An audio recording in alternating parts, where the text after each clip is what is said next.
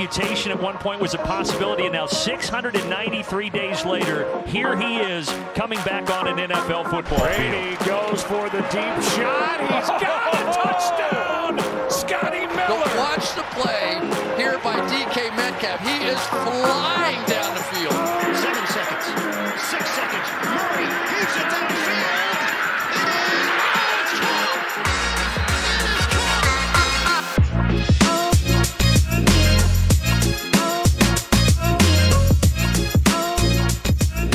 Welkom terug iedereen bij deel 2 van de grote Sport Amerika NFL Preview Show. Eh, deel 2 vandaag op eh, 24 augustus. Deel 1 was gisteren natuurlijk de AFC, maar vandaag snijden we de NFC aan en daarvoor heb ik opnieuw Lars Leeftink mee uitgenodigd, maar natuurlijk ook de NFC-kenner eh, op de Sport Amerika redactie en dat is Chris van Dijk. Welkom Chris. Welkom, dank je. Ben je blij eh, dat je er terug bij bent? Uiteraard. Hè, vooral de, de NFC, de, toch wel de, de, misschien wel wat spannendere divisie. Dus krijg wel zin in. Alright, hoe, hoe vind je het eh, pre-season tot nu toe? Ja, eh, wat je van pre-season mag verwachten, denk ik. eh, blessures die je niet wil en voor de rest zegt het weinig. Dus je hebt er weinig aan verder als je het echt wil volgen of iets wil gaan voorspellen in ieder geval. Ja, de hype train van de Eagles die is wel echt volop ingeschakeld. hè. Ik heb de indruk dat de Eagles eh, elke dag ja, een beetje hoger in de, in de piekorde komen. Ja, dat gevoel krijg je ook wel steeds meer. Hè? Dat het toch wel eh, van eh, misschien favoriet kans hebben van NFC East naar misschien wel Super Bowl kandidaat worden. Dus ik ben blij misschien dat we de wedstrijd gewoon op papier af kunnen doen en dat we niet de wedstrijd echt het veld op gaan. Maar dat we het gewoon van tevoren afspreken alvast dat de Eagles dit jaar de winnaars worden. Dat, dat, Dan eh dat, je proberen mij niet de, klagen. dat proberen de Packers ook ieder jaar, eh, maar helaas. eh, dan komen de playoffs en ja. Nou ja, daarom ik ben wel blij dat ik, ik wil bijna zeker weet dat de Eagles op Lambo gaan winnen. Dus dat is in ieder geval een voordeel. Hier gaat nog gevochten worden vandaag.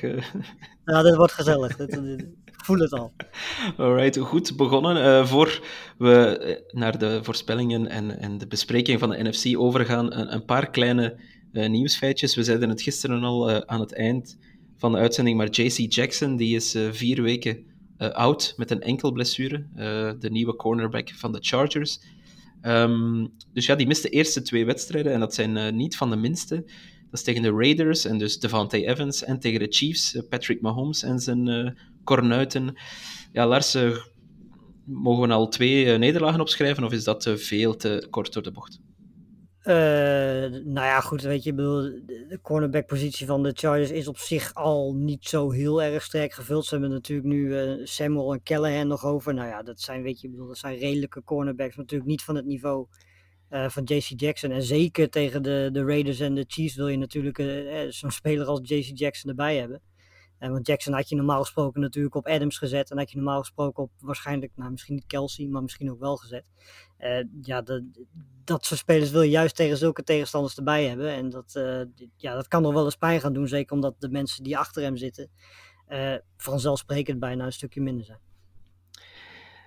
De, er is nog iemand geblesseerd. Sorry, ik zocht even eh, mijn woorden. Er is nog iemand geblesseerd, uitgevallen. Gus Edwards, de Gus-bus. Die is bij de Ravens eh, op de puplijst eh, beland. Dus die mist de eerste vier wedstrijden. Vorig jaar hadden de Ravens ook al heel veel eh, problemen op de running back positie. Chris, moeten we opnieuw vrezen voor, voor zo'n scenario? J.K. Dobbins die is vooralsnog fit, maar hoe lang, eh, hoe lang duurt dat? Ja, nou ja, goed. Ja, weet ik. Het is, voorlopig waarschijnlijk maar een paar weken, dus dat, dat scheelt sowieso wel. En eh nou ja, goed, zolang een beste, belangrijkste running back eh, Lamar Jackson gewoon op het veld staat, dan eh hoeft de running game niet enorm veel zorgen te maken. Dus, eh nou ja, natuurlijk is het een tegenslag dat je hem niet hebt. Eh, je had hem er graag erbij gehad. Eh, maar het is niet, denk niet gelijk de voorbode van het afgelopen uh, drama-seizoen van de Ravens. Ja, ik hoop het alleszins voor hen, want de positie lijkt wel, lijkt wel vervloekt in Baltimore de laatste, de laatste paar jaar. Het laatste nieuwtje eh dateert al van afgelopen maandag. Ehm, maar ik wou het toch even vermelden, omdat we toch over de NFC bezig zijn. Tom Brady is terug eh, in, eh, op training bij, bij de Buccaneers. Hij is zo'n 10 dagen of 15 dagen weg geweest, denk ik. Wat behoorlijk lang is. En ik zag dat op Reddit en ook op Twitter de, de speculaties hoog opliepen en, en sommigen hadden uitgedokterd dat zijn afwezigheid net gelijk viel met de opnames van The Masked Singer. Dat is geen toeval. Voilà. Is het toeval of niet, Lars? Ga, gaan we hem zien? Gaan we van onder een masker uit zien komen? Nee, de, ik moet heel eerlijk zeggen dat ik het niet gezien heb. Dus weet je, als het een hele lange keel is, uh, ja, dan is de kans natuurlijk aanwezig dat het Tom Brady is. Het is allemaal wel heel toevallig. Maar uh, volgens mij heeft hij zelf al gezegd dat het niet zo is. Uh, dat zou ik ook zeggen. Ja. Ehm, maar dit, ja, weet je, we waren allemaal een beetje op zoek naar een, een, een verklaring waarom hij, nou, volgens mij bijna twee weken of zo weg geweest is. dit zou er een kunnen zijn. Weet je, bedoel, het, het, is en blijft Tom Brady. Tom Brady doet gewoon wat hij zelf wil. En ja, daar zou dit wel weer een uniek voorbeeld van zijn natuurlijk. Misschien een serieuze vraag daarover. Chris, vind jij het kunnen dat een quarterback, eigenlijk de belangrijkste speler van een team, midden in training camp zegt, kijk jongens, ik ben hier weg voor tien dagen? Ja, ik denk dat het lastig is omdat we niet de officiële reden weten. Hè. Er kunnen best wel redenen zijn dat het gewoon normaal is dat je de menselijk is dat hij er niet bij is. Uh, hè, als het inderdaad voor opnames van de Mask Singer is, dan, dan moet je je inderdaad afvragen wat voor signaal dit naar je ploeggenoten uitgeeft. Hè, uit, dat, dat, je dit belangrijker vindt dan, dan je voorbereiden op, op een seizoen wat eraan zit te komen. Hè, uh, ik snap wel, waarschijnlijk zullen mensen zeggen, hè, Brady zal waarschijnlijk toch niet veel gespeeld hebben in pre-season. Hij kent de, de, de, ploeg ondertussen wel en hij heeft ongeveer een jaartje of 70 ervaring. er is niks nieuws voor hem. Uh, het is veel meer van hè, hoe, hoe, valt dat bij de rest. Maar goed, hè, wat dat betreft. Als nou één iemand het voorbeeld van professionaliteit is geweest, uh, dan is dat Brady. Dus ik verwacht niet dat hij dat. Dat hij zeg maar de Mas Singer had verkozen boven een, een, serieuze kans op het winnen van de Super Bowl. Dus voor de sportieve prestaties maak ik me eigenlijk geen zorgen wat dat betreft. Nee, op dat vlak zou het, het, uitvallen van zijn offensive line waarschijnlijk ietsje belangrijker zijn dan dat, dat, dat zijn meer redenen om te denken ja. dat hij niet een nieuwe Super Bowl gaat winnen. Alright, dat wat betreft het nieuws. Um, we gaan dus dezelfde aanpak hanteren dan, dan bij de AFC-preview. dat wil zeggen, we gaan een paar individuele, veel te vroege awards uitreiken of voorspellen. in ieder geval, we gaan ook de NFC Conference Game voorspellen. Maar we gaan beginnen met niet vijf, maar dit keer zes stellingen over de NFC of over teams in de NFC die ik, die ik heb voorbereid. En ik ga vragen aan, aan Chris en aan Lars om, ja, om hun ongezouten mening te geven over die stellingen. En we beginnen meteen met het team van Chris, want waarom ook niet? Chris, de eerste stelling. De Eagles winnen de NFC East dit seizoen. Eens. Ja, dat kun je natuurlijk ook wel invullen, dit, hè? nee, ik ben het met hem eens. Zijn we de Eagles aan het ik... overschatten, heren? Uh, overhypen, misschien, ja. Ja, ja misschien, die, die, die kans is er wel. Um, maar, hè, we, daarom zeggen we ook, hè, NFC East, hoef ik, daar twijfel ik niet over. Hè, dat ze in ieder geval daarvoor de serieuze kans hebben, een goede misschien wel de, de favoriet zijn. En wat dat betreft AJ Brown erbij. Ik vind dat ze echt een fantastische draft hebben gehad. En ze hebben de rest bij elkaar weten te houden. Het is gewoon, ze zijn gewoon verder dan vorig jaar. En Dallas is zeker niet beter geworden in vergelijking met vorig seizoen. Dus wat dat betreft denk ik hè, dat eigenlijk hè, eh, vrij logisch is dat de Eagles wel als de favoriet voor de NFC East gezien worden. En alles wat er verder aan, aan, aan, aan resultaten in zit, dat is misschien wel wat aan, het overhyped aan het worden, waar echt het plafond ligt. Zolang in ieder geval Jalen Hurts niet, niet gezien hebben met deze aanval. En weet dat hij nu echt kan als, als, vooral als passer. Um, ja, is het eh, denk ik, hè, als je het objectief bekijkt, heel lastig om ze echt een, een top, top 3, top 4 NFC team te noemen. Maar goed, dat ze een fantastische offseason hebben gehad, dat is sowieso wel duidelijk. In principe gaat Hurts bepalen hoe ver dit, dit team gaat komen. Want in principe, als je kijkt naar de rest van, van het team, wat ze inderdaad afgelopen offseason gedaan hebben, hebben ze eigenlijk alles gedaan om, om Hurts nu in de positie te brengen om, om te slagen. Dus het is nu eigenlijk aan de coachingstaf en aan Hurts om het te laten slagen. En als dat lukt, uh, kunnen ze zeker die divisie winnen. Ehm, sterker nog, ik heb ze in de championship game, NFC championship game staan op dit moment. Ehm, maar dat komt ook deels omdat er heel veel vraagtekens zijn bij, bij alle andere teams. Uh, van tevoren had ik, had ik de Bucks redelijk stijf bovenaan staan eigenlijk. Maar vanwege al die blessures bij een offensive line begin ik daar nu toch alweer een beetje meer over te twijfelen. En alle andere teams hebben toch ook wel vraagtekens. Veel meer dan wat we in de AFC hebben. Um, en dat ja, zet de deur wel open voor een team als de Eagles. Weet je, als Hurts een fantastisch seizoen gaat spelen.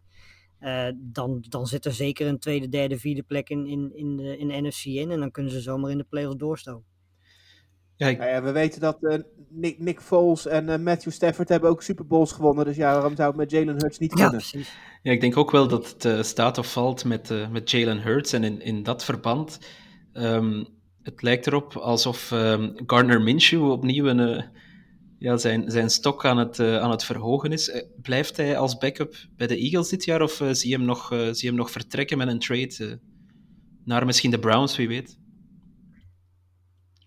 Nee, dat zie ik. Uh, zeg, zeg nooit nooit. Maar waarom zou je dat doen als je de Eagles bent? Hè? Uh, hij past qua financiën past hij er goed in.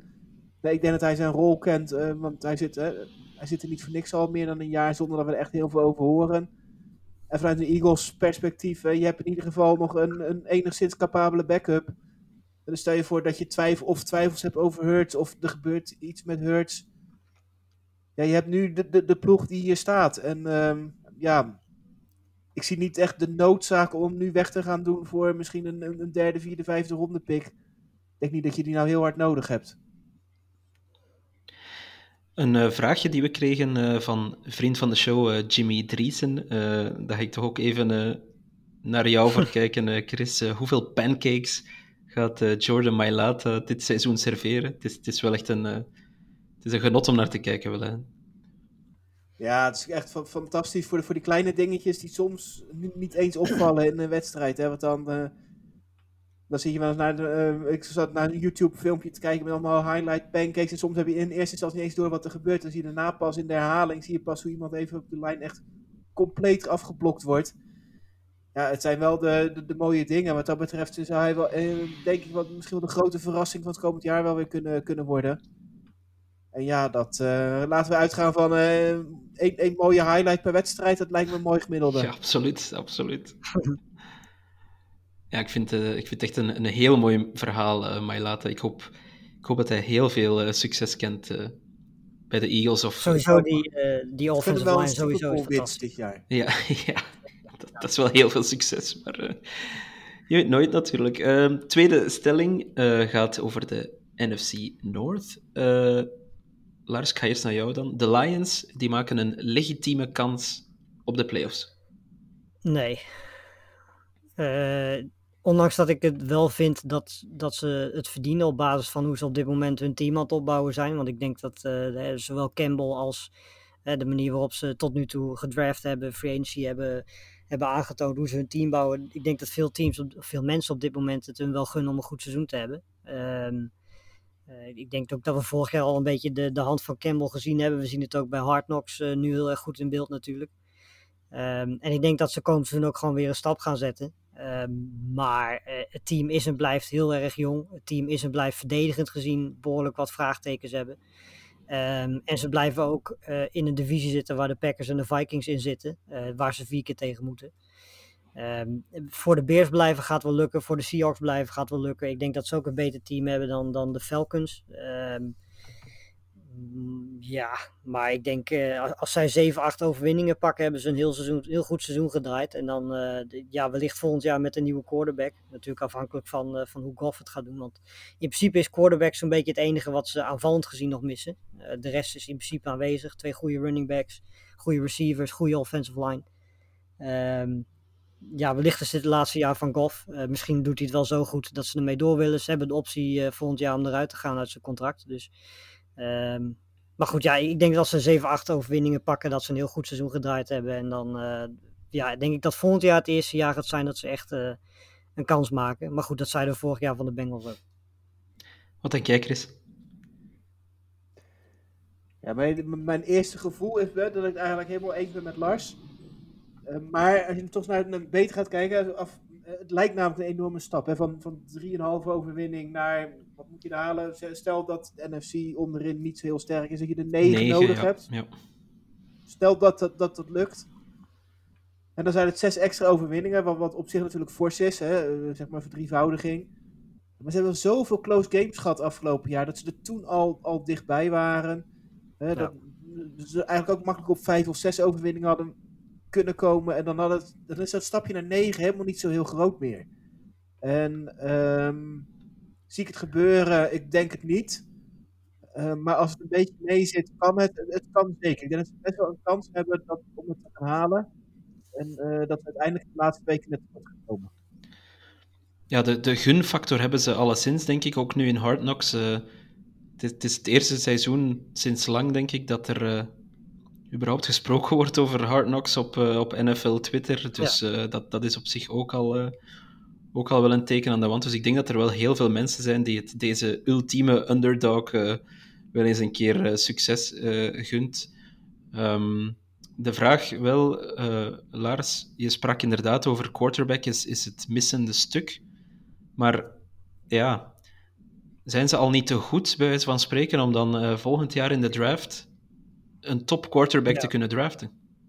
Nou ja, goed, als je inderdaad ervan uitgaat dat ze beter zijn en die uh, 7, 8 of 9 overwinningen pakken, dan gaan ze waarschijnlijk uh, de twee beste quarterbacks, CJ Stroud en uh, Bryce Young, gaan ze al missen waarschijnlijk. Want ja, weet je, dan ga je niet bij de eerste 5 à 10 picks zitten. Uh, dus dan zit je al heel groot te gaaien in, de, ja, in de categorie die daarachter zit. Um, dat is wel het gevaar, want dat je afgelopen offseason hebt besloten om bijvoorbeeld niet een Willis te draften. Uh, die ook prima achter bijvoorbeeld golf had kunnen zetten. Uh, maar goed, ja, weet je, uiteindelijk kun je natuurlijk altijd nog vooruit traden. Uh, om alsnog in die top 5 te komen en, en alsnog die quarterback te kunnen draften. Alleen ja, zul je dan wel iets meer op moeten geven. Uh, maar ik denk dat dat de enige manier gaat zijn om, om in de draft echt een, een franchise quarterback komende draft te gaan, gaan draften. Want in principe gaat het dit seizoen niet bij drie, vier overwinningen eindigen, denk ik. Zeker niet in de NFC waar, waar echt wel kansen liggen om wat overwinningen te pakken. Maar als, uh, als afsluiter over de Lions, jullie beschouwen ze wel nog als het uh, zwakste team in de NFC North? Nee, nee, absoluut niet. Nee, de Bears zijn echt zwak. Ach, juist, ik was de Bears al ik, was de Bears. ik was aan het denken, maar wie is nu alweer het vierde team daar? Maar inderdaad, ja, ik, ik uh, zet ook zeker de Bears uh, achter, uh, ja. achter de Lions. ik was aan de Vikings en de Packers aan het denken. Um, maar inderdaad, Chicago, daar, daar hebben ze nog wel, nog wel wat andere problemen, nog, nog andere katjes te gezen. Um, maken we even de oversteek naar de andere kant van het land, de NFC West. Uh, een stelling over de 49ers, uh, Chris.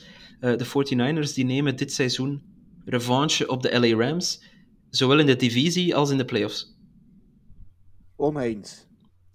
Waarom? Um, quarterback. Uiteindelijk onervaren te weinig van gezien. Ik denk dat ze eigenlijk vorig seizoen van, van eigenlijk al af wilden. En maar dat is gewoon echt. Dat is een reden dat, dat hij toch bleef staan en, en Trey Lance niet.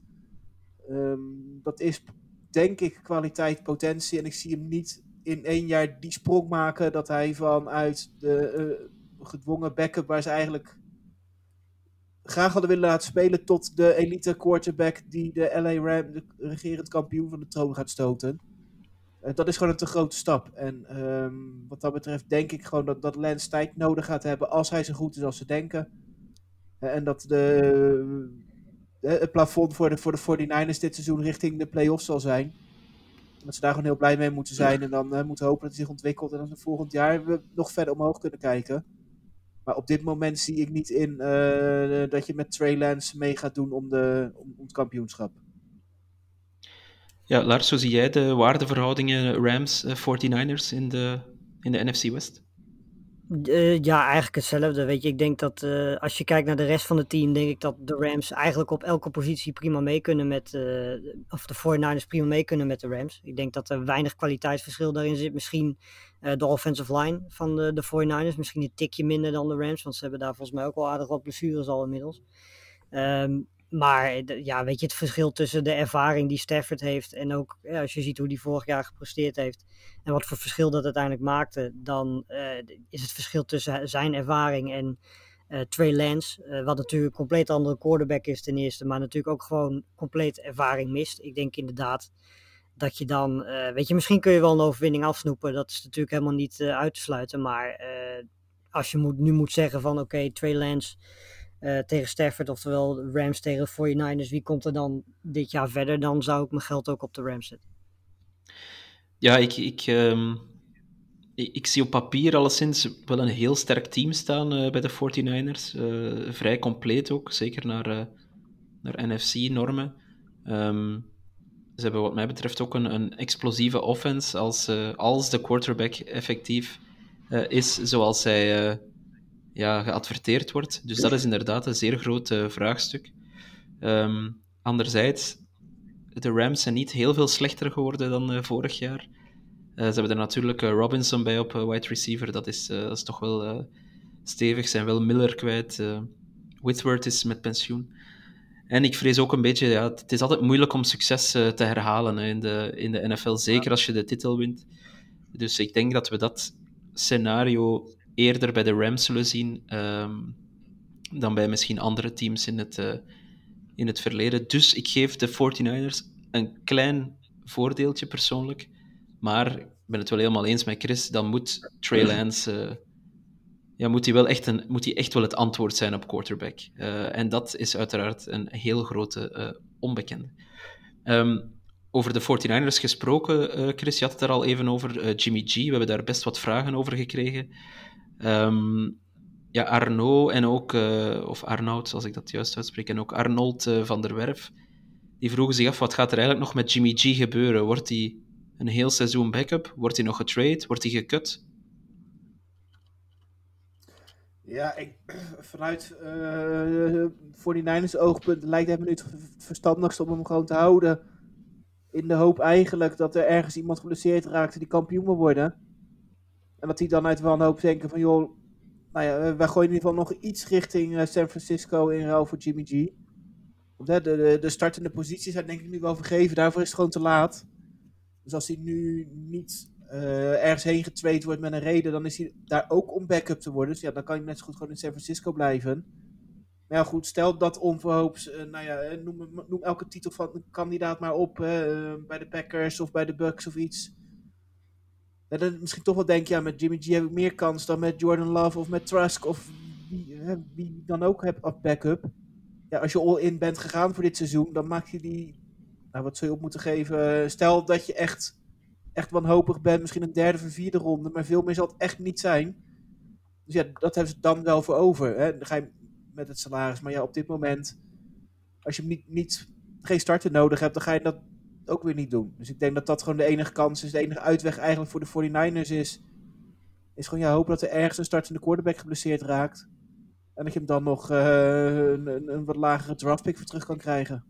Het voordeel wat je, wat je ook hebt als je hem zelf houdt, zeker als je zo'n quarterback als Trey Lance hebt. Stel je voor eh, de eerste twee, drie weken gaat het compleet fout met Trey Lance en die presteert matig. Dan heb je natuurlijk altijd nog Garoppolo als, als backup. Mocht hij niet eh, mentaal helemaal weg zijn van, van de 49ers, dat kan natuurlijk. Maar eh, als je puur kijkt op dit moment de enige logische plek nog om naartoe te gaan, dat zou de Browns zijn. Eh, die natuurlijk hoeveel, 10, 11 weken Watson moeten gaan missen. Ehm, maar daarnaast inderdaad, weet je, ja, het is redelijk duidelijk wie de starters bij elk team gaan zijn nu. En Garoppolo schiet er niet zoveel mee op om nu weg te gaan. De 49ers volgens mij ook niet per se. Eh, weet je, ik denk dat die liever een backup als eh, Jimmy G hebben op het moment dat je een, een eerstejaars starter hebt. eh, met een team daaromheen die, die de playoffs wil halen. Weet je, gaat het na de eerste twee, drie weken fout, kun je altijd op hem nog terugvallen. Want Jimmy G heeft natuurlijk wel laten zien dat hij dit, met dit team redelijk ver kan komen. Maar Maar moet je nu niet gewoon een keertje gewoon all-in gaan en zeggen dit is Trey Lance. En dan al is het, hè, hij krijgt 6, 7, 8 weken de tijd. En dat juist de, eerder de schaduw van, van Jimmy G misschien wel beklemmend kan werken. Bij Tua natuurlijk gezien, hè, die hadden Ja. Fitzpatrick achter de hand. Hè, en dan mocht hij in het, in het vierde kwart moest hij eruit, want dan kon hij nog even een wedstrijdje winnen. En daarna ging hij weer terug. Dat Ja. vind ik ook niet ideaal om, om die quarterback te ontwikkelen als je echt wat wil. Nee, ik, ik zie het eerlijk gezegd ook niet gebeuren dat Jimmy G überhaupt nog terugkomt, tenzij eh Lance zich effectief eh, blesseert. Maar ik zou het heel straf vinden. eh, voor het eerst heeft Shanahan heel duidelijk gezegd, we gaan eh, vol door met, eh, met Trey Lance. Dan zou ik het heel vreemd vinden om na vier weken pakweg eh, hem dan toch Ja. ineens te benchen voor Jimmy G. Dat, dat, dan, dan zien we Lance nooit meer terug, denk ik. Dat, zeggen, dat Ja, is gewoon, dan weet je ook wel gelijk dat het gelijk einde lens is. En dan kun je dat ook weggooien. Het hangt er natuurlijk ook een beetje vanaf wat de, de 49ers dit jaar als doel hebben. Weet je, want in principe, je kunt natuurlijk zeggen van nou, we gaan gewoon kijken dit jaar hoe ver we met Trey Lance komen. Maar als je een bepaalde doelstelling hebt, bijvoorbeeld de, de, de championship game of de, de Super Bowl. En eh, na vier, vijf weken laat Trey Lance niet zien dat, eh, dat je dat met hem gaat halen. eh, dan zie ik wel een scenario in dat ze zeggen van, nou ja, weet je, Jimmy G heeft laten zien dat hij ons daar wel kan brengen. dan gaan we toch maar weer op hem terugvallen. Dus het hangt er ook een beetje vanaf en dat weten wij natuurlijk niet. Maar wat zij voor dit jaar als doelstelling hebben. Als inderdaad Lens die ruimte geeft om fouten te maken. ja, dan gaat hij inderdaad 6, 7, 8 weken spelen. En dan heeft het op zich ook geen nut om na acht weken ineens in te gaan grijpen. Want in principe is het dan al te laat. Dan moet je ook gewoon het hele seizoen doorgaan. Maar als ze inderdaad zo ver willen komen dat ze eh, naar de Championship Game of de Super Bowl gaan halen. Dan zie ik wel gebeuren na 5, 6 weken dat ze zeggen van nou ja, weet je wat. Met Trey Lance halen we het niet. We hebben Jimmy G nog achter de hand. En er is geen team op dit moment waar we naartoe kunnen traden waar die starter kan zijn. Dus laten we hem dan maar gewoon zelf inzetten. Maar als je dat had gewild, als jij eh, het doel voor jezelf zegt van we willen de NFC Championship game halen, of denken dat we de Super Bowl kunnen winnen met, met Jimmy G, had je dan niet veel meer een open strijd moeten houden en niet zo vroeg al naar, naar Lens moeten gaan? Hè? Je geeft zoveel, zo'n duidelijk signaal af, hè? het vertrouwen in Lens, maar ook dat je geen vertrouwen in Jimmy G hebt. Ja, die gaat je daar nooit meer brengen, dat gevoel heb ik. Dat, dat gaat gewoon mentaal niet meer lukken. Nee, daar ben ik het eh, mee eens. Ik denk, eh, het, zal, het zal Lance or bust zijn, denk ik. eh. en in die optiek had ik gelezen dat ook de Giants misschien nog een, eh, een bestemming zouden kunnen zijn voor Jimmy G. mocht... eh, Ja, dat heb ik eerder in het seizoen ook wel. Dat vind ik, eh, ik, ik kan me voorstellen dat die misschien nog, eh, dat nu nog niet doen. Ja, dat zou wel echt de bestemming zijn om het nu nog niet te doen. Te wachten op hoe Daniel Jones het doet. En als hij nou over vijf weken weer verkloot, je weet dat je contract niet gaat verlengen, dat je het dan haalt. Dat zou, dat, dat zou er eigenlijk nog wel een, een logische redenatie kunnen zijn waarom het nog niet gebeurd is. Ja, ik denk ook, eh, ik denk ook inderdaad dat dat wel een, een move zou kunnen zijn. Of wie weet wachten die echt tot helemaal op het einde van het seizoen. Maar hebben ze wel al iets in hun hoofd van eh, Daniel Jones.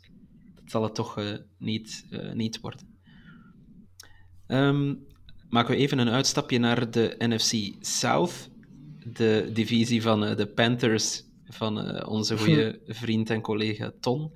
Ehm, het gaat over een head coach. De stelling is namelijk Matt Rule. Die haalt het einde van het seizoen niet. Eh, wat denk je, Lars?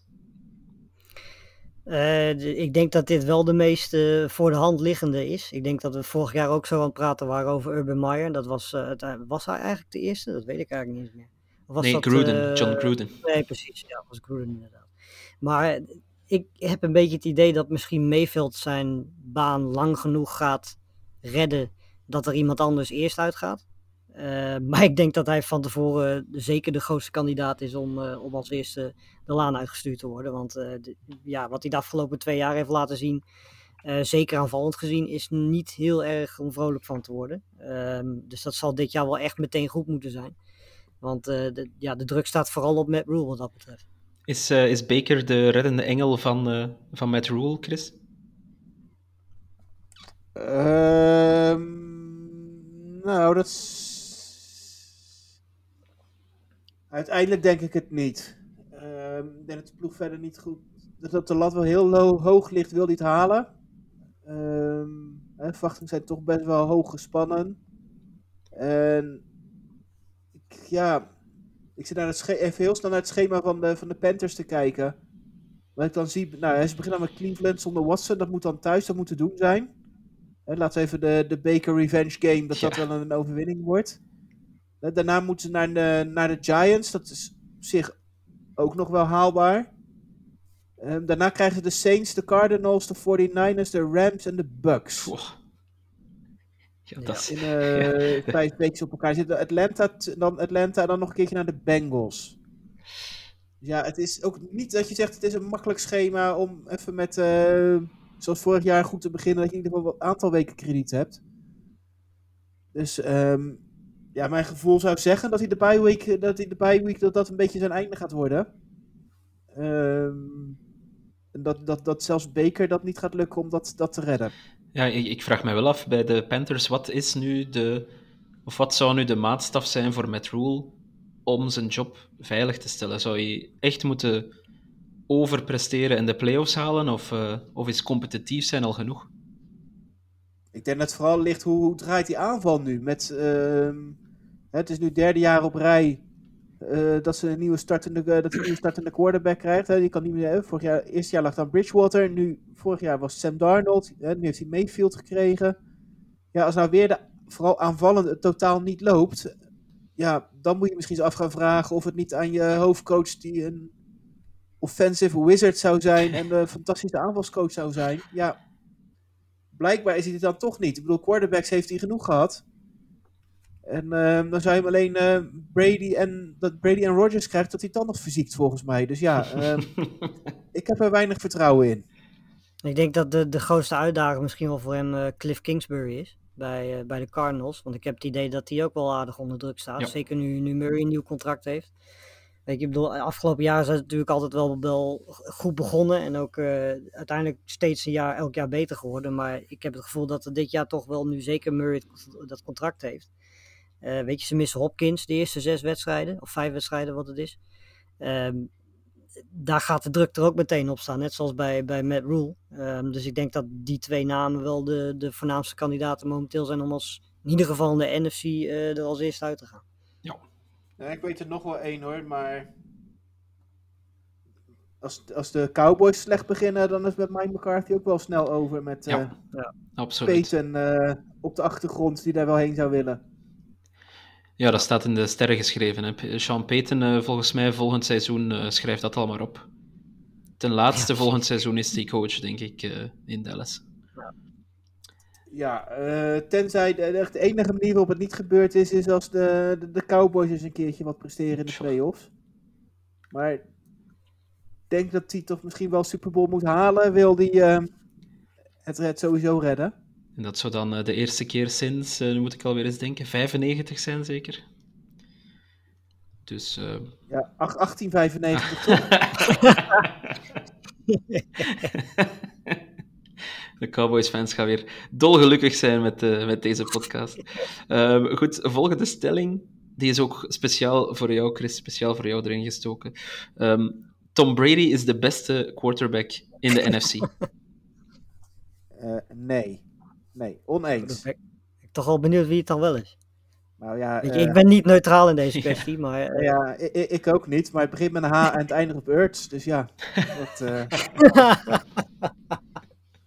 nice, ja. Nee, maar je plaatst wel Aaron Rodgers, vermoed ik, boven Tom Brady dan? Of nog, nog, nog quarterbacks? Ja, uiteindelijk qua, qua spel, uit, ja. ik als je het over, niet over de hele carrière, dat is natuurlijk een heel ander verhaal. En daar, daar, kunnen we hele podcasts over vullen. Uh, maar op dit moment, gewoon qua spel, uh, denk ik dat, dat vind ik Rodgers beter uh, dan Brady. maar goed, hè, uiteindelijk voor teamsucces zijn denk ik veel meer de andere factoren doorslaggevend straks dan of het Brady of Rodgers is. Um, maar ik vind Rodgers op dit ja, nog steeds wel de laatste jaren wel de betere quarterback van de twee. Dat zijn ook wel, tenminste wat mij betreft, de, de, de twee met afstand beste quarter. Want het, het is niet echt een, een conference waar de, de quarterbacks van een extreem hoog niveau zijn. Je hebt natuurlijk wel Kyler Murray en Stafford nog. Die verdienen wel, een, uh, wel even genoemd te worden. Maar daarachter is het gat wel uh, erg groot. Zeker als je het vergelijkt met de AFC, die we gisteren allemaal besproken hebben in de preview podcast. Dan ja, dan... dan nee, je... nou goed, maar het is ook wel een beetje ook de reden dat je zegt van, hè, bij, die, bij die, ja. even die voorstellingen natuurlijk, hoe ver de Lions kunnen komen. Hebben over, ja, Goff is geen fantastische quarterback, of nee. die, die komt misschien wat tekort. Maar goed, dat geldt wel voor veel ploegen in die range. De Saints zijn ook afhankelijk van hoe James Winston het gaat doen. En ja. Uh, ja, dat is misschien ook wel, die hoort ook bij de betere helft van de quarterbacks in de NFC. Het is inderdaad onder die top 4 is het wel echt wel een groot gat uh, groot gat naar beneden wat, wat er op met, dit met aan quarterbacks loopt. En het, het gat met Wellicht Prescott nog bij, niveau is ook enorm.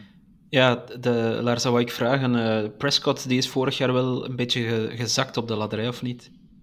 Ja, ja dat, dat uh, weet je, ik weet niet, volgens mij had hij ook echt gedurende het seizoen nog wel een beetje last van die, uh, van die blessure. En volgens mij had hij ook nog een andere blessure.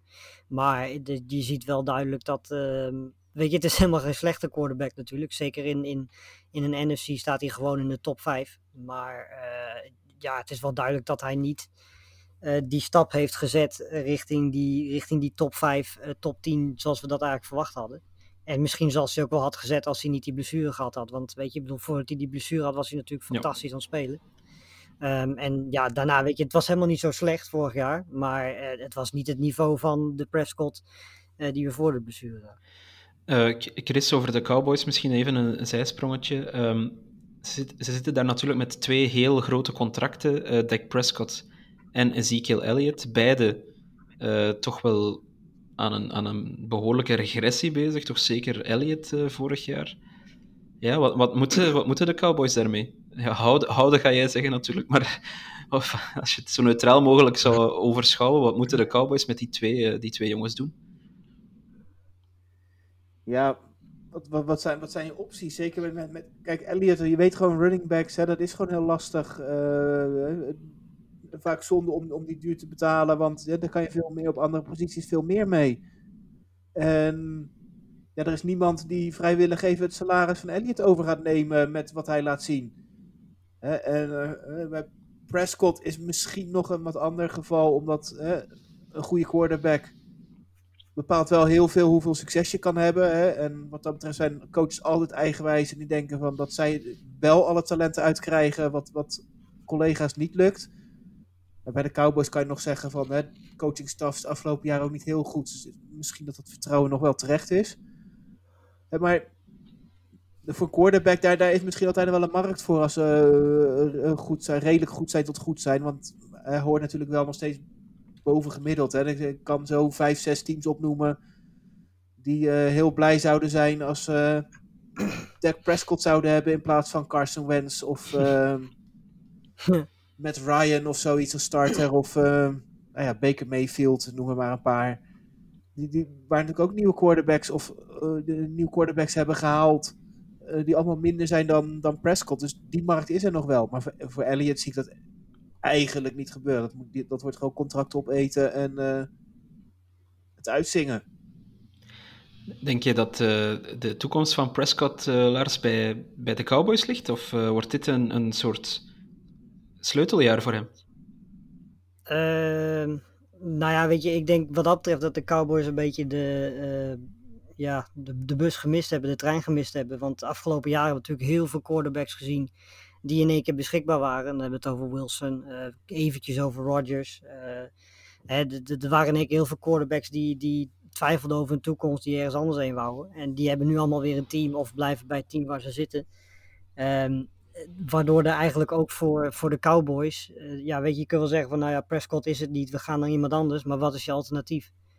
Uh, die beter is dan Prescott. Die ga je niet zomaar even vinden. En als je die vindt, is het misschien via de draft. En dat duurt dan weer jaren. Dus dat betekent ook dat je zegt van, nou ja, dan stoppen we nu uh, met, met eh, winnen en met presteren. En dat is iets wat de Cowboys volgens mij überhaupt niet zo graag doen. Uh, dus ik denk niet dat dat de optie is. Volgens mij is het contract van Elliott trouwens na dit jaar niet meer guaranteed. Ah. Dus volgens mij kunnen ze na dit jaar daar een stuk makkelijker onderuit dan dat ze dat nu kunnen. Dan lijkt me dat een... Nou ja, maar ja, doe maar Chris. Nou, over, over, even over inderdaad, je zegt met de quarterbacks wat, wat mogelijk is. Dat is natuurlijk ook zo. Je hebt verder geen opties. Hè, want wat aan quarterbacks verhandeld is, uh, die echt van team zijn gewisseld afgelopen twee jaar. Wie zijn er nou beter dan Prescott? Uh, ik, nou. ik, denk alleen Watson. Maar goed, uh, ik, het is zo waard te prijzen voor de Cowboys dat ze dat niet hebben gedaan. Ja. Ik bedoel, hè, dat je daar lekker vanaf blijft.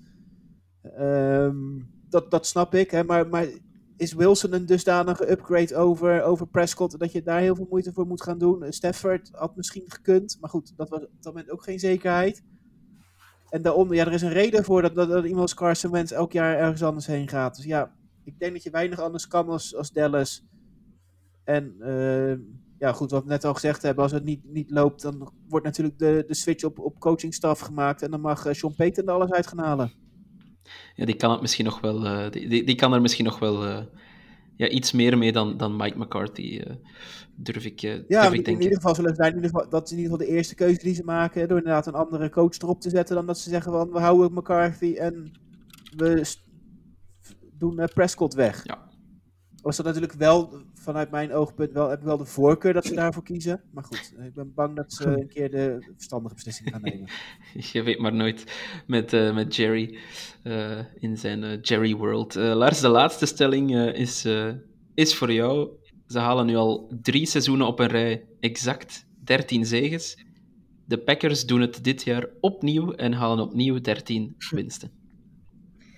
Uh, ja, je zou bijna zeggen van wel, als het inderdaad zo vaak achter elkaar gebeurt. Maar uh, ik, ik, ja, ik kom tot nu toe telkens uit op 11 of op 12 zegens. Uh, dus ik ga zeggen nee. En ik denk dat uh, de, de grootste reden daarvoor de factor Adams is, die natuurlijk weg is. Dat, dat gaat je wel een overwinning misschien twee kosten in een seizoen. Want de, we hebben dat betreft Adams gewoon te goed. Aan de andere kant, het is wel de NFC natuurlijk. En daar is natuurlijk wel ruim, meer ruimte voor teams om naar 11, 12, 13 zegens te gaan dan dat er in de AFC is. Ehm, dus helemaal uitsluiten valt het niet. Onmogelijk is het ook zeker niet. Maar ehm, ik denk dat ze er net één of twee games onder uh, gaan eindigen. Ja, wat denk jij, Chris? Uh, number one seed in de NFC met uh, 13 zegens of te hoog gegrepen? Nee, dat is te hoog gegrepen. Ik denk inderdaad hè, met, met Adams, het verlies van Adams, dat dat wel flink wat scheelt. Um, nee, de, de Lions worden beter, hè, dus die, ik zie zomaar eens een, een, wedstrijdje winnen van de Packers. Het zal dat natuurlijk afgelopen jaren nee, bijna wel zes uh, overwinningen voor de Packers opschrijven, alleen vanwege de divisie. Dus ja, dat, dat, gaat al mee, dat gaat al niet mee zitten. Ja, en dan de rest van het programma zit er natuurlijk. Het is niet super moeilijk. Maar ja, er zitten genoeg lastige uitwedstrijden. Ze moeten naar de Bills, naar de Bucks, naar de Eagles. Dan krijgen de Cowboys. Dus ja, er zit best wel wat. De Rams sowieso nog erbij. Nou ja, echt, echt alles moet meezitten om 13 en 4 te gaan. En dat, dat zie ik niet gebeuren. Dat, dus inderdaad, uh, 10, 10, 11, 12 in, in die hoek. En dan eerder 11, 12 dat dat wel het meest realistische is.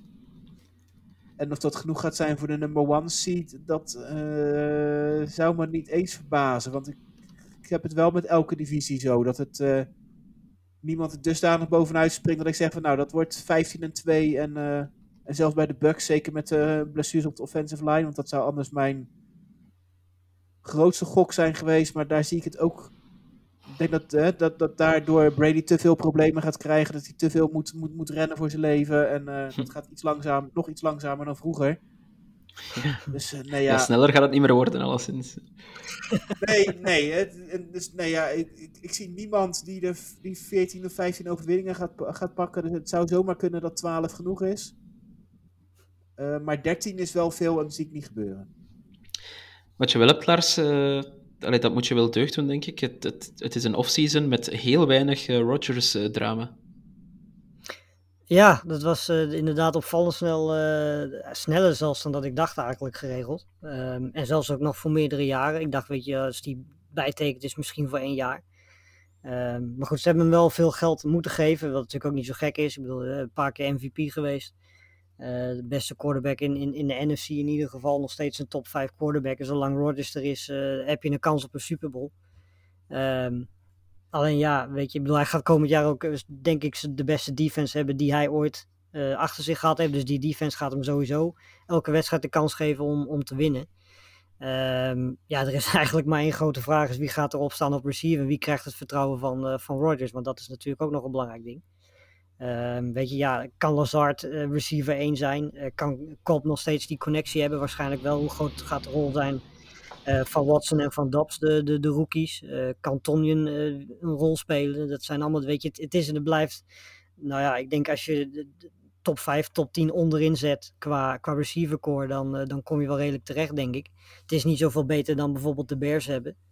Um, dus ja, weet je, maar goed, aan de andere kant als er twee mensen zijn die, die een positie beter kunnen maken, dan zijn het Rodgers en LaFleur wel. Um, maar ik verwacht wel dat, dat zeker het, het, duo uh, Jones en AJ Dillon komend seizoen nog een stuk belangrijker gaat zijn dan uh, dat ze geweest waren. Ja, Lazard die heeft gezegd, deze quarterback-receiver combinatie, dat hebben jullie nog nooit meegemaakt. Dus, nou, dan zet hij de lat wel heel erg hoog inderdaad. Ja. Ik ben benieuwd. Ik hoop het echt van harte, maar uh, ja, ik denk niet dat we de als Rodgers Adams weer, uh, weer gaan dat, lijkt mij ook sterk. Uh, goed, dan gaan we nog even kijken naar um, een aantal individuele prijzen, zeg maar. specifiek voor de, voor de NFC. Dus net als, net als voor de AFC gaan we even kijken naar Offensive Player of the Year, Defensive Rookie of the Year, Breakout Player of the Year en dan ook de Comeback Player of the Year. ik heb jullie gevraagd om dat even voor te bereiden. Dat hebben jullie netjes gedaan, waarvoor dank. Ehm, voor de Offensive Player of the Year valt op uh, geen quarterback. Dat sluit een beetje aan, denk ik, bij wat we uh, daarnet al zeiden. Chris, jij bent voor uh, Debo Samuel gegaan. Denk je dat hij de rust in zijn hoofd heeft teruggevonden met zijn, met zijn contract? Ja, nou in ieder geval, daar, daar, ga ik vanuit. Daar hoop ik dan wel op. het is denk ik een speler die echt cruciaal is um, voor het spel van de 49ers. En ik kan me voorstellen dat hij nog wat meer de bal gaat krijgen met Trey Lance in plaats van met Jimmy G. Dus um, ik denk inderdaad, hè, als, als wat de 49ers echt richting playoff willen gaan, dat ze echt wel een, een fantastisch jaar van Samuel nodig hebben. Dus vandaar dat ik uh, voor hem heb gekozen. Lars, voor jou ook een uh, wide receiver. Uh, trouwens, dezelfde keuze als Mark heeft gemaakt. namelijk Justin Jefferson van de Vikings. Ja. Hij, hij kan nog beter doen, denk je? Ja, dat denk ik wel. Ik denk dat we zeker nog niet het allerbeste van hem gezien hebben. Uh, ik denk ook dat de nieuwe coachingchef daar hem, hem en ook Cousins beter gaat maken. Ehm, en ik denk dat, weet je, ik bedoel, ik, ik, heb een beetje verder gekeken naar de andere opties. En dan komt inderdaad een Samuel Cup. die komen dan in principe als eerste naar boven. Ehm, wellicht dat Aaron Rodgers daar weer bij gaat staan. Waarschijnlijk is die al wel aanwezig. Maar als ik naar die vier spelers kijk, dan heb ik denk ik het meeste vertrouwen momenteel in, uh, in Justin Jefferson. Maar goed, het feit dat we naar die spelers moeten kijken en je vergelijkt het met de spelers die we bij de uh, eh, noemen als offensive player, die ik denk dat dat toch ook wel een beetje genoeg zegt over de fout. Ja, trouwens, uh, misschien even over de Vikings. Die worden ook wel redelijk gehyped de laatste week. Ja. Um, een, een, een stevige playoff kandidaat voor jullie, voor jullie beiden? Nou ja, weet je, ik bedoel, de, aanval is natuurlijk al jaren zit, uh, zit goed in elkaar. En daar wachten we eigenlijk een beetje op totdat daar echt een beetje een explosie komt. En ik denk dat uh, de coachingstaf die daar nu zit met O'Donnell, dat hij dat er wel uit zou kunnen halen. Uh, de verdediging is wel heel erg verbeterd natuurlijk. We hebben een paar aanwinsten erbij gehaald. Jordan Hicks, Darius Smith. Uh, secondary is wat verbeterd. Dat is natuurlijk eigenlijk elk jaar is dat de zwakke plek geweest van de Vikings. Hè? De defensive secondary die heel jong was.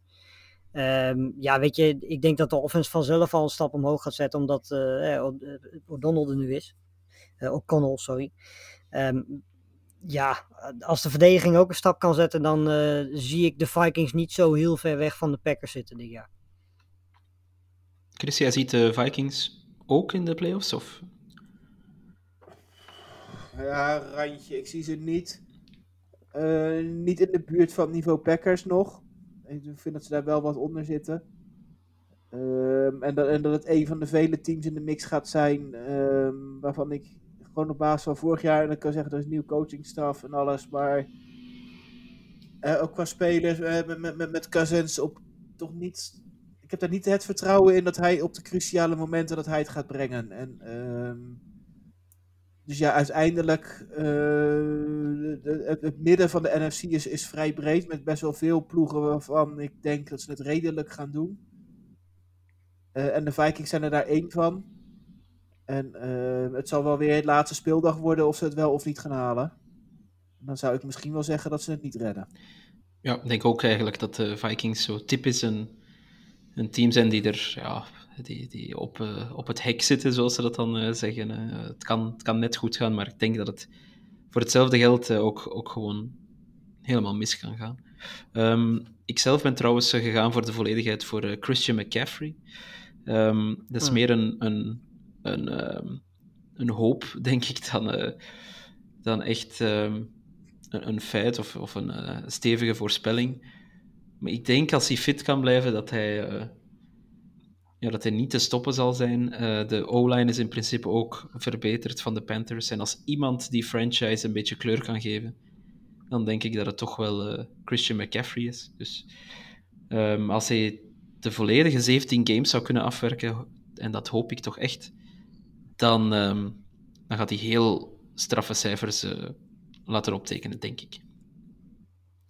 Ja. Um, over de Defensive Player of the Year kunnen we heel, heel kort zijn. we hebben daar gewoon allemaal unaniem uh, Aaron Donald gekozen. Ik denk dat dat verder niet veel, uh, niet veel uitleg behoeft. Um, ja, die man uh, is betaald en gaat in principe nog altijd de beste speler in de NFL zijn. Inclusief quarterback, zou ik bijna zeggen. Het is, het is ongelooflijk. Ja, de, de enige die hem waarschijnlijk gaan uitdagen in deze conference zijn, denk ik, Nick Bosa en Micah, of uh, ja, Parsons.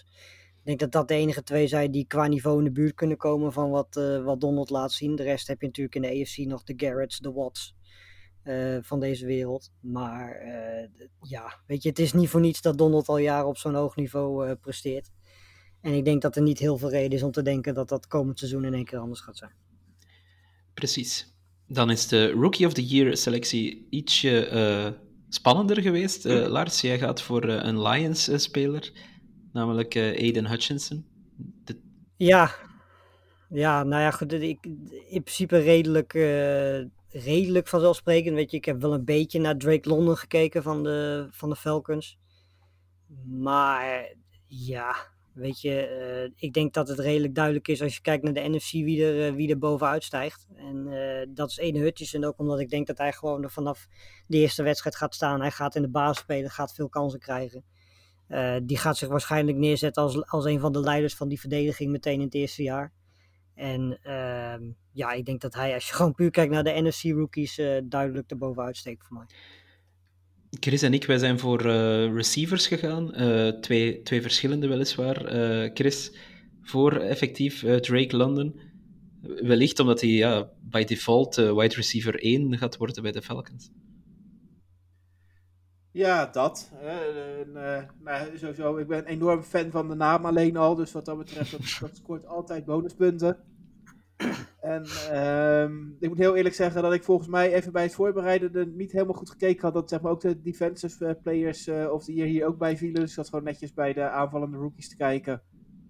En toen dacht ik van ja, dus springt, uh, dan, dan ga ik uiteraard voor, voor Drake London. Ik denk, wat, wat, wat Lars zegt. En dat dat wel de meest logische eigenlijk is. Hè? Dat, dat, dat Hutchinson wat dat betreft um, wel de meeste impact gelijk gaat, gelijk gaat hebben. Omdat gewoon vanwege de positie dat het makkelijker zal zijn, denk ik, dan, um, dan als, als receiver. Want ja, het is leuk dat je gelijk uh, receiver 1 bent. Maar ja, het betekent ook dat alle verdedigers zich gelijk helemaal op instellen en uh, hun beste verdedigers op jou gaan zetten.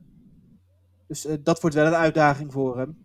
Maar goed, uiteindelijk moeten we toch iemand kiezen. En ik, ja, gaat, ik hoop dat hij zijn potentie gaat laten zien. Ja, hij gaat wel wat druk op zich krijgen. Hè. Ik heb Chris Olave opgeschreven uh, van, de, van de Saints, omdat ik de indruk heb dat hij uh, een heel goed trainingcamp uh, achter de rug heeft. ook al wel wat dingen liet zien tijdens de preseason games. Al heb ik daar eerlijkheidshalve niet heel veel van gezien, moet ik, moet ik Was toegeven. De beste vorm van zijn leven of niet? nee, dat is volgend jaar pas, als hij, als hij helemaal door het ijs zakt dit seizoen. Um, maar ik denk ook dat de Saints uh, gewoon wel een, een, een, leuk team hebben. Uh, Michael Thomas die, die lijkt toch weer niet uh, helemaal fit te zijn. Um, en dus kan denk ik in de schaduw daarvan Chris Olave wel eens, wel eens ontbolsteren. Daniel Jeremiah lijkt het ook met mij eens te zijn, dus dat vind ik ook wel pluspunten voor mezelf. Goed, um, gaan we eens kijken naar de breakout player van, van het jaar. Ik zal met mijn pick beginnen. Um, we hadden het daar straks al even over Ezekiel Elliott. Ik denk dat hij finaal uh, ja, gaat regresseren tot een, tot een backup, quarter, backup running back dit seizoen. Ik denk dat Tony Pollard finaal de, ja, de nummer één positie gaat overnemen bij, bij de Cowboys. Hij, hij doet het eigenlijk al twee seizoenen heel goed, vind ik. En dit seizoen gaan ze hem eindelijk uh, eh, 100% alle kansen geven, Tony Pollard. Ik hoop het. Maar ja, weet je, als je dan uh, de Jones weer hoort, de eigenaar, dan, dat hij dan weer gaat eisen dat, uh, dat Elliott een van de belangrijkste spelers van, uh, van de Cowboys gaat zijn komend seizoen op basis van niks. ja, dan ga je toch wel weer een beetje twijfelen. Weet je, we zitten er eigenlijk al twee jaar op te wachten dat Pollard gewoon volledig de kans krijgt. En ik weet eerlijk gezegd ook niet of Pollard een running back is die, die je 35 carries of zo per wedstrijd moet geven. Want eh, volgens mij is hij niet zo'n type. Uh, volgens mij is hij een type die het best in samenwerking met een andere running back uh, tot zijn tot uiting komt. Omdat hij natuurlijk ook goed is in de passing game. Um, dus wat dat betreft is het misschien wel handig inderdaad als Elliot alsnog gewoon zijn snaps en zijn, zijn carries krijgt. Ehm, maar ja, ik hoop wel dat, dat percentage-wise Pollard toch een beetje wat dat betreft komend seizoen er bovenuit gaat stijgen. Ja, goed, als Jerry Jones dat soort eisen blijft maken, dan kunnen ze nog een jaartje langer wachten op de Super Bowl, denk ik. Um, Chris, jij bent ook richting Cowboys gegaan. Jalen Tolbert. Ja, we hadden in het verleden, de afgelopen jaren, het wel eens gezegd hè, dat natuurlijk de, de Cowboys een enorm goede uh, wide receivers groep hadden. Nou, hè, dus Mary Cooper is weg. Gallup worstelt een beetje met blessures. Dus uh, vandaar, CD Lamb zal ongetwijfeld gewoon de nummer 1 zijn. Maar ik denk dat er wel heel veel ruimte gaat komen daardoor voor, voor Tolbert. En die zou wel eens, wat dat betreft, wel eens kunnen gaan verrassen. Uh, als de, de nieuwe ja, receiver daar. en dat, dan heb je wel weer het voordeel dat, je, dat ze een best wel brede groep hebben, zeker als Gallup terugkomt. dat het inderdaad wel lastig verdedigen is, dat hij daar nog wel wat extra ruimte gaat krijgen en dat hij wel eens kan gaan schitteren komend seizoen. Ja, ik zou het wel cool vinden als de Cowboys opnieuw zo'n team zijn die zelf 40 punten scoort en er dan 42 tegen krijgt. dat, dat waren altijd wel spectaculaire games, dus op, in dat opzicht zou het wel leuk zijn als ook Tolbert ja, erdoor uh, breekt uh, dit seizoen. Lars, jij bent opnieuw defensief gegaan. Joe, Joe ja. Tryon um, van de Buccaneers. Ja. Nou, in principe wisten we toen hij gedraft al dat het een jaartje zou duren. Dat hij, dat hij heel veel talent had, maar dat er tijd voor nodig was uh, om dat eruit te krijgen. Nou, vorig jaar hebben we hem zo af en toe al, al gezien op belangrijke momenten met sacks of met forced fumbles. Um, en ik denk dat er geen enkele reden is om, om te stellen dat hij komend seizoen niet uh, een stap vooruit gaat zetten. Dat gaat hij zeker doen. En uh, ik denk dat we hem wellicht wel eens richting de, de 10 sacks kunnen gaan zien gaan dit, dit seizoen. Ook omdat hij, weet je, naast Barrett zoeken ze natuurlijk nog wel iemand die, die hem een beetje kan helpen met, met pass rush. En ik denk dat Tryon komend seizoen meer snaps, meer kansen gaat krijgen en daar ook van gaat profiteren. Alright. Um, hebben we nog één individuele uh, award, zeg maar, om uh, uit te delen. Uh, de Comeback Player of the Year. ik, voor mij is het ja, Christian McCaffrey bijna automatisch, dus daar, daar hoef ik verder niet te, veel, niet te veel woorden aan vuil te maken. Maar de keuze van Chris, die is wel, die is wel heel mooi, vind ik. vertel eens, Chris. James Winston. Ja, absoluut. Ja, ik... jij, jij stipt het net al een heel klein beetje aan, hè. De ik vind dat de, de, de Saints een onderschatte ploeg hebben die uh, er enorm goed uitzit op, op papier. Uh, maar er waar niet heel veel over gesproken wordt. James gaat gewoon de, de, de, starter worden. En het zou me niks verbazen als de Saints um, daar gewoon top 4, top 5 gaan eindigen hier in, in de NFC straks. En dat dat voor een groot deel uiteindelijk gewoon gaat komen door James Winston. En dat hij uh, op die manier uh, deze prijs gaat winnen. Gaat het er eindelijk allemaal uitkomen? De, het, uh, het ruwe talent van James. Ja, ja, ik denk dat er wel in zit. Hè, dat hij zelf vorig jaar al best wel wat, wat, wat goede dingen heeft laten zien in, um, in New Orleans. En dat het echt niet zo voorzichtig was als mensen zeggen. dus ik ben benieuwd of hij dat een heel jaar kan. Hè? Dat hij weer gewoon laten we zeggen, de touchdowns gooit vanuit Tampa-tijd met misschien de helft van de intercepties, dan... Uh, dat zou een grote vooruitgang uh, zijn, ja.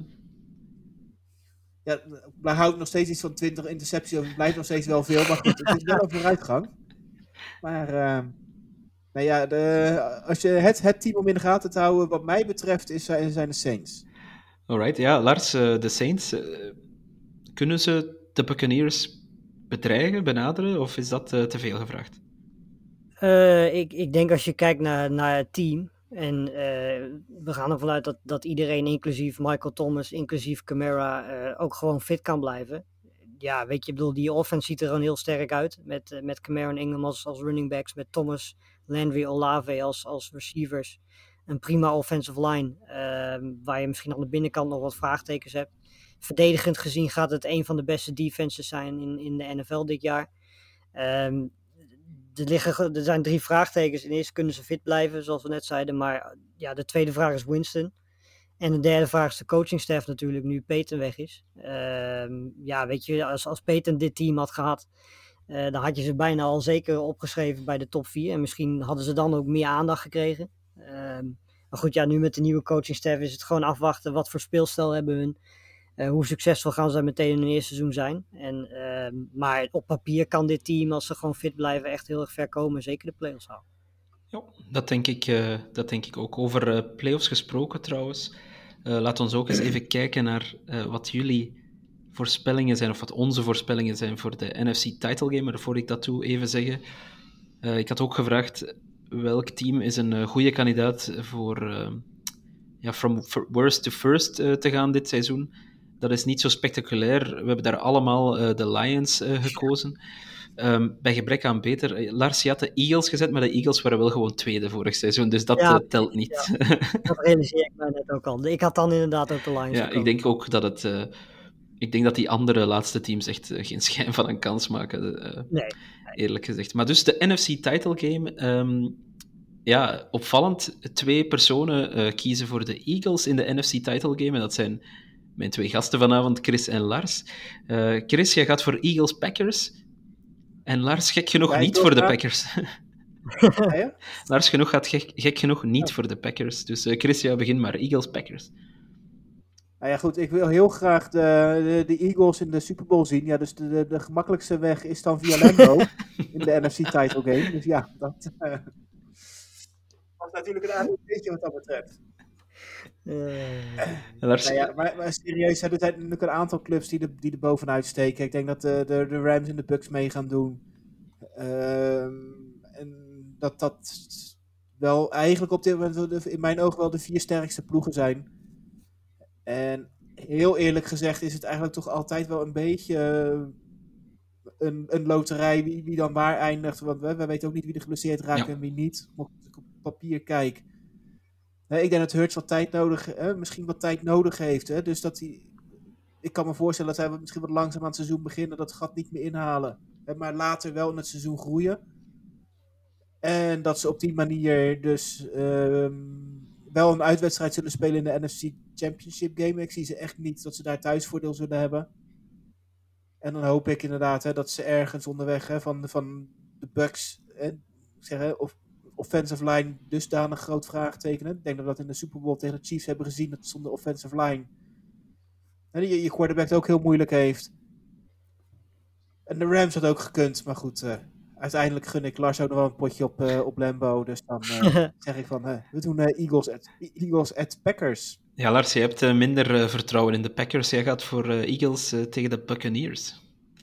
Ja, ik denk dat de, ja, de Buccaneers is heel simpel. Ik ga niet tegen Tom Brady in wedden. Dus uh, zeker gewoon met de rest van het team wat er gewoon weer staat, is het uh, ja, wat mij betreft geen reden om in de NFC te denken dat de Bucks het niet gaan halen. Uh, die, dat tweede team was wel een beetje een lastige, want ik denk inderdaad, weet je, de Rams kunnen er staan, de Packers kunnen er staan.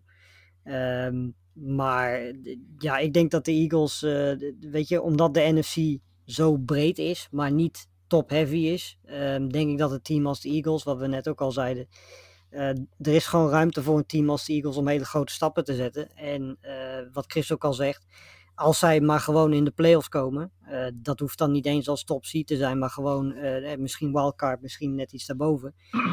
als ze dan maar inkomen, weet je, ja, dan is het één wedstrijd per, per keer. En als Hurts tegen die tijd al beter in vorm is, uh, en de tweede helft van het seizoen beter speelt dan de eerste helft van het seizoen, dan zit er echt wel een goede run in, uh, in, in de playoffs. Want ja, weet je, dan is er in principe niks meer zo'n beetje wat, wat de Eagles in de NFC tegen kan houden. Ja, ik denk absoluut uh, wat jullie zeggen, dat dat klopt. Dat je zeker in de NFC ehm, wel meerdere kandidaten hebt om, om er uiteindelijk te geraken. In de EFC ook natuurlijk. Maar je hebt de indruk dat het in de NFC allemaal ietsje korter bij elkaar ligt, maar misschien dan wel net een een niveautje lager. Ik ben zelf ook voor de Buccaneers gegaan, maar ik geloof eigenlijk wel in, uh, in het hele team van de 49ers. Dus uh, ik, uh, ik heb de Buccaneers tegen oh. de 49ers als NFC title game. Ik denk dat Trey Lance wel de beloofde quarterback wordt. Um, en dat Shanahan voor een reden nu all-in gaat met hem. En ik denk dat het er dat het er dit jaar gaat uitkomen. En ik vind de rest van het team op papier alleszins uh, toch wel heel sterk heel sterk ogen. En uh, Mark, tenslotte geef ik toch nog even mee uh, voor de luisteraars. Die, dat is de enige die in de Rams gelooft. Dus hij zegt uh, Rams tegen Buccaneers. Nice. Dus eh, ja, daar zit wel wat variatie in. Dat is, eh, dat is zeer, zeer mooi. Eh, Ik had nog een uitsmijtervraag eh, gesteld. We hebben die gisteren natuurlijk al voor een deeltje beantwoord, Lars. Namelijk, eh, waar zien we Antonio Brown eh, terug? Als jullie nu één Ja. NFC-team zouden moeten aanduiden. Hij, hij wou zelf naar de Cowboys, maar Jerry Jones heeft dat heel snel afgeschoten. Dus Ja. welk NFC-team zou eh, Brown met open armen ontvangen? Eh, nou ja, de Cowboys vanwege die blessure van Gallup was wel een logische geweest. Maar goed, ja, dan kunnen we die wegstrepen. Ehm, ja, ik denk dat het meest logisch, en ik weet niet of ik daar persoonlijk heel vrolijk van word, maar ja, het zou toch heel logisch zijn als de Packers daar misschien een gok mee waren gezien alles wat ze op dit moment hebben. Ehm, persoonlijk hoeft het van mij niet, maar eh, ik heb liever OBJ dan richting het einde van het seizoen.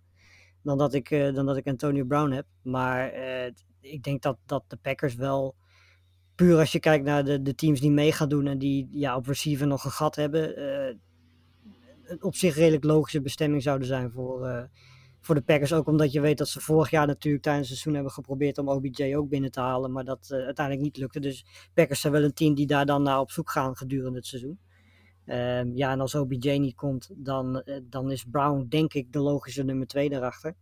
Ehm, dus ja, de Packers. Kan hij, kan hij OBJ vervangen bij de Rams, eh, Chris Brown? Of gaat McVay dat niet doen? Nee, ik denk dat McVay dat niet gaat doen.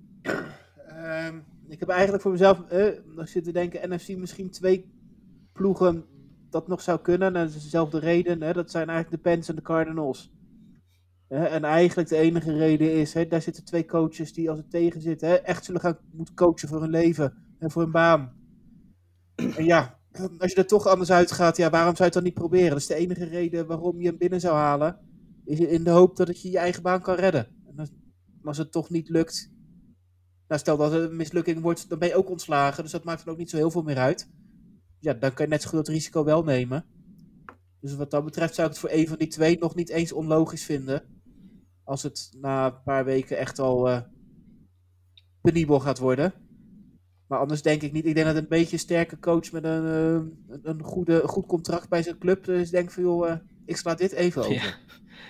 We zijn het er wel allemaal over eens en dat is, dat is toch ook weer het, het mooie of net het duistere aan de NFL. eh dat mag je invullen hoe je wil, eh, dat, dat Brown wel gewoon nog terugkomt eh, bij een NFL-team. Ehm, goed, dat, dat, dat is dan... Nou, ik weet niet zeker of hij terug gaat komen hoor. ja. Ik denk dat hij zelf wel nog wil, want hij blijft zichzelf in de kijker zetten. Ik denk dat hij dat niet zomaar doet. En er zal wel één team zijn ja. dat, de, dat de, de, de gok wil wagen, denk ik. Dat denk ik ook wel, ja.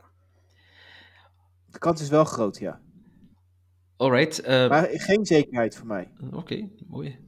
Goed. Het, ik, ik zou het niet erg vinden als hij niet meer zou terugkomen, eh, persoonlijk, maar goed. Ehm we hadden nog één leuke vraag gekregen van Yuri, ehm, maar we hebben ze al een beetje beantwoord, denk ik, eh, tijdens de podcast. Yuri vroeg, welk NFC-team gaat echt verras- verrassen ehm, dit seizoen? Ik denk dat we een beetje daar ja, met z'n allen de Lions op geantwoord hebben. Of is er toch nog een ander team eh, wat, wat jullie in je hoofd hebt? Tenzij dat we zeggen Super Bowl voor de Eagles is een hele grote verrassing, dan is, is het antwoord de Eagles natuurlijk. Nou, ik heb Ja, er nog één. De Bears. Maar eh, dat is even aan de andere kant. Dat is niet positief dat die gaan verrassen. Dat, eh, ik, heb, ik heb daar echt helemaal geen vertrouwen in. En ehm, ik, ik ben bang dat ze slechter zijn dan de Falcons. Dus ehm, dat, eh, nee. Maar zijn ze ook slechter dan de Seahawks? Ja, zeker. Hm. Ik denk dat eh, de Bears moeite gaan hebben om drie wedstrijden te winnen. Dus de Bears eh, number one seed, number one seed, zeg ik nu? Number one pick. eh, Ja, van onder, hè. Nou, we hebben de Jaguars nog. Hè, dat, eh, En de Texans. En de... de AFC lopen er onderin ook nog wel wat ploegen rond die graag eh, slecht zijn. Ja, dat klopt, dat klopt. Ik moet zeggen, ik heb ook echt heel, heel weinig vertrouwen eh, in de Bears. Zoveel zelfs, heeft zo weinig, dat ik ze daar straks eh, zelfs helemaal vergeten was. Dus dat, dat toont al aan Ik denk dat de hoeveel... Bears dat liever hebben dan dat we dit zeggen hoor. Alright, uh, we zijn erdoor, heren. Het heeft uh, een beetje langer geduurd, maar dat mag natuurlijk voor een, uh, voor een grote preview-show. dus rest ons alleen maar te zeggen dat, dat het nu echt niet meer lang duurt. dit, dit weekend nog de laatste pre-season wedstrijden, dan een weekendje rust. En dan begint het op, wat is het, donderdag 8 september zeker, begint eindelijk het feest. Ja. Met de Rams tegen de Bills, een absolute kraker. Um, het komt nu heel dichtbij, zeker nu ook onze preview-show erop zit. Vergeet ook niet, beste luisteraar, we gaan nog steeds door op sportamerika.nl met de NFL 32 in 32. We zitten ondertussen aan deel 23, denk ik. Uh, dus, dus ook daar zijn we bijna, bijna doorheen. De leukste teams uh, komen er nu aan, zou ik zeggen. Dus hou, uh... En de, de, de mensen die geen break willen hebben tussen komend weekend en het weekend daarna. Precies in dat weekend begint ook het uh, college voetbalseizoen. Voilà. En Lars, is daar een uh, college voetbal podcast aan verbonden? Uh, in principe, we zijn allemaal een beetje, een beetje druk, dus het, het, is nog even afwachten. Maar waarschijnlijk gaan we daar volgende week weer mee beginnen. Alright, dan weten jullie waar, waar je moet zijn. op ons Twitter-kanaal natuurlijk. En hou ook zeker ons podcastkanaal in het oog. En uiteraard sportamerika.nl zelf. Chris en Lars, bedankt voor jullie deskundig uh, commentaar. Uh, we zijn mooi door de NFC yes. gefietst. En uh, ja, het gaat bijna beginnen. Dus ik kan niet wachten. Ik weet ook dat jullie niet kunnen wachten. Dus tot de volgende keer. Doei. Doei.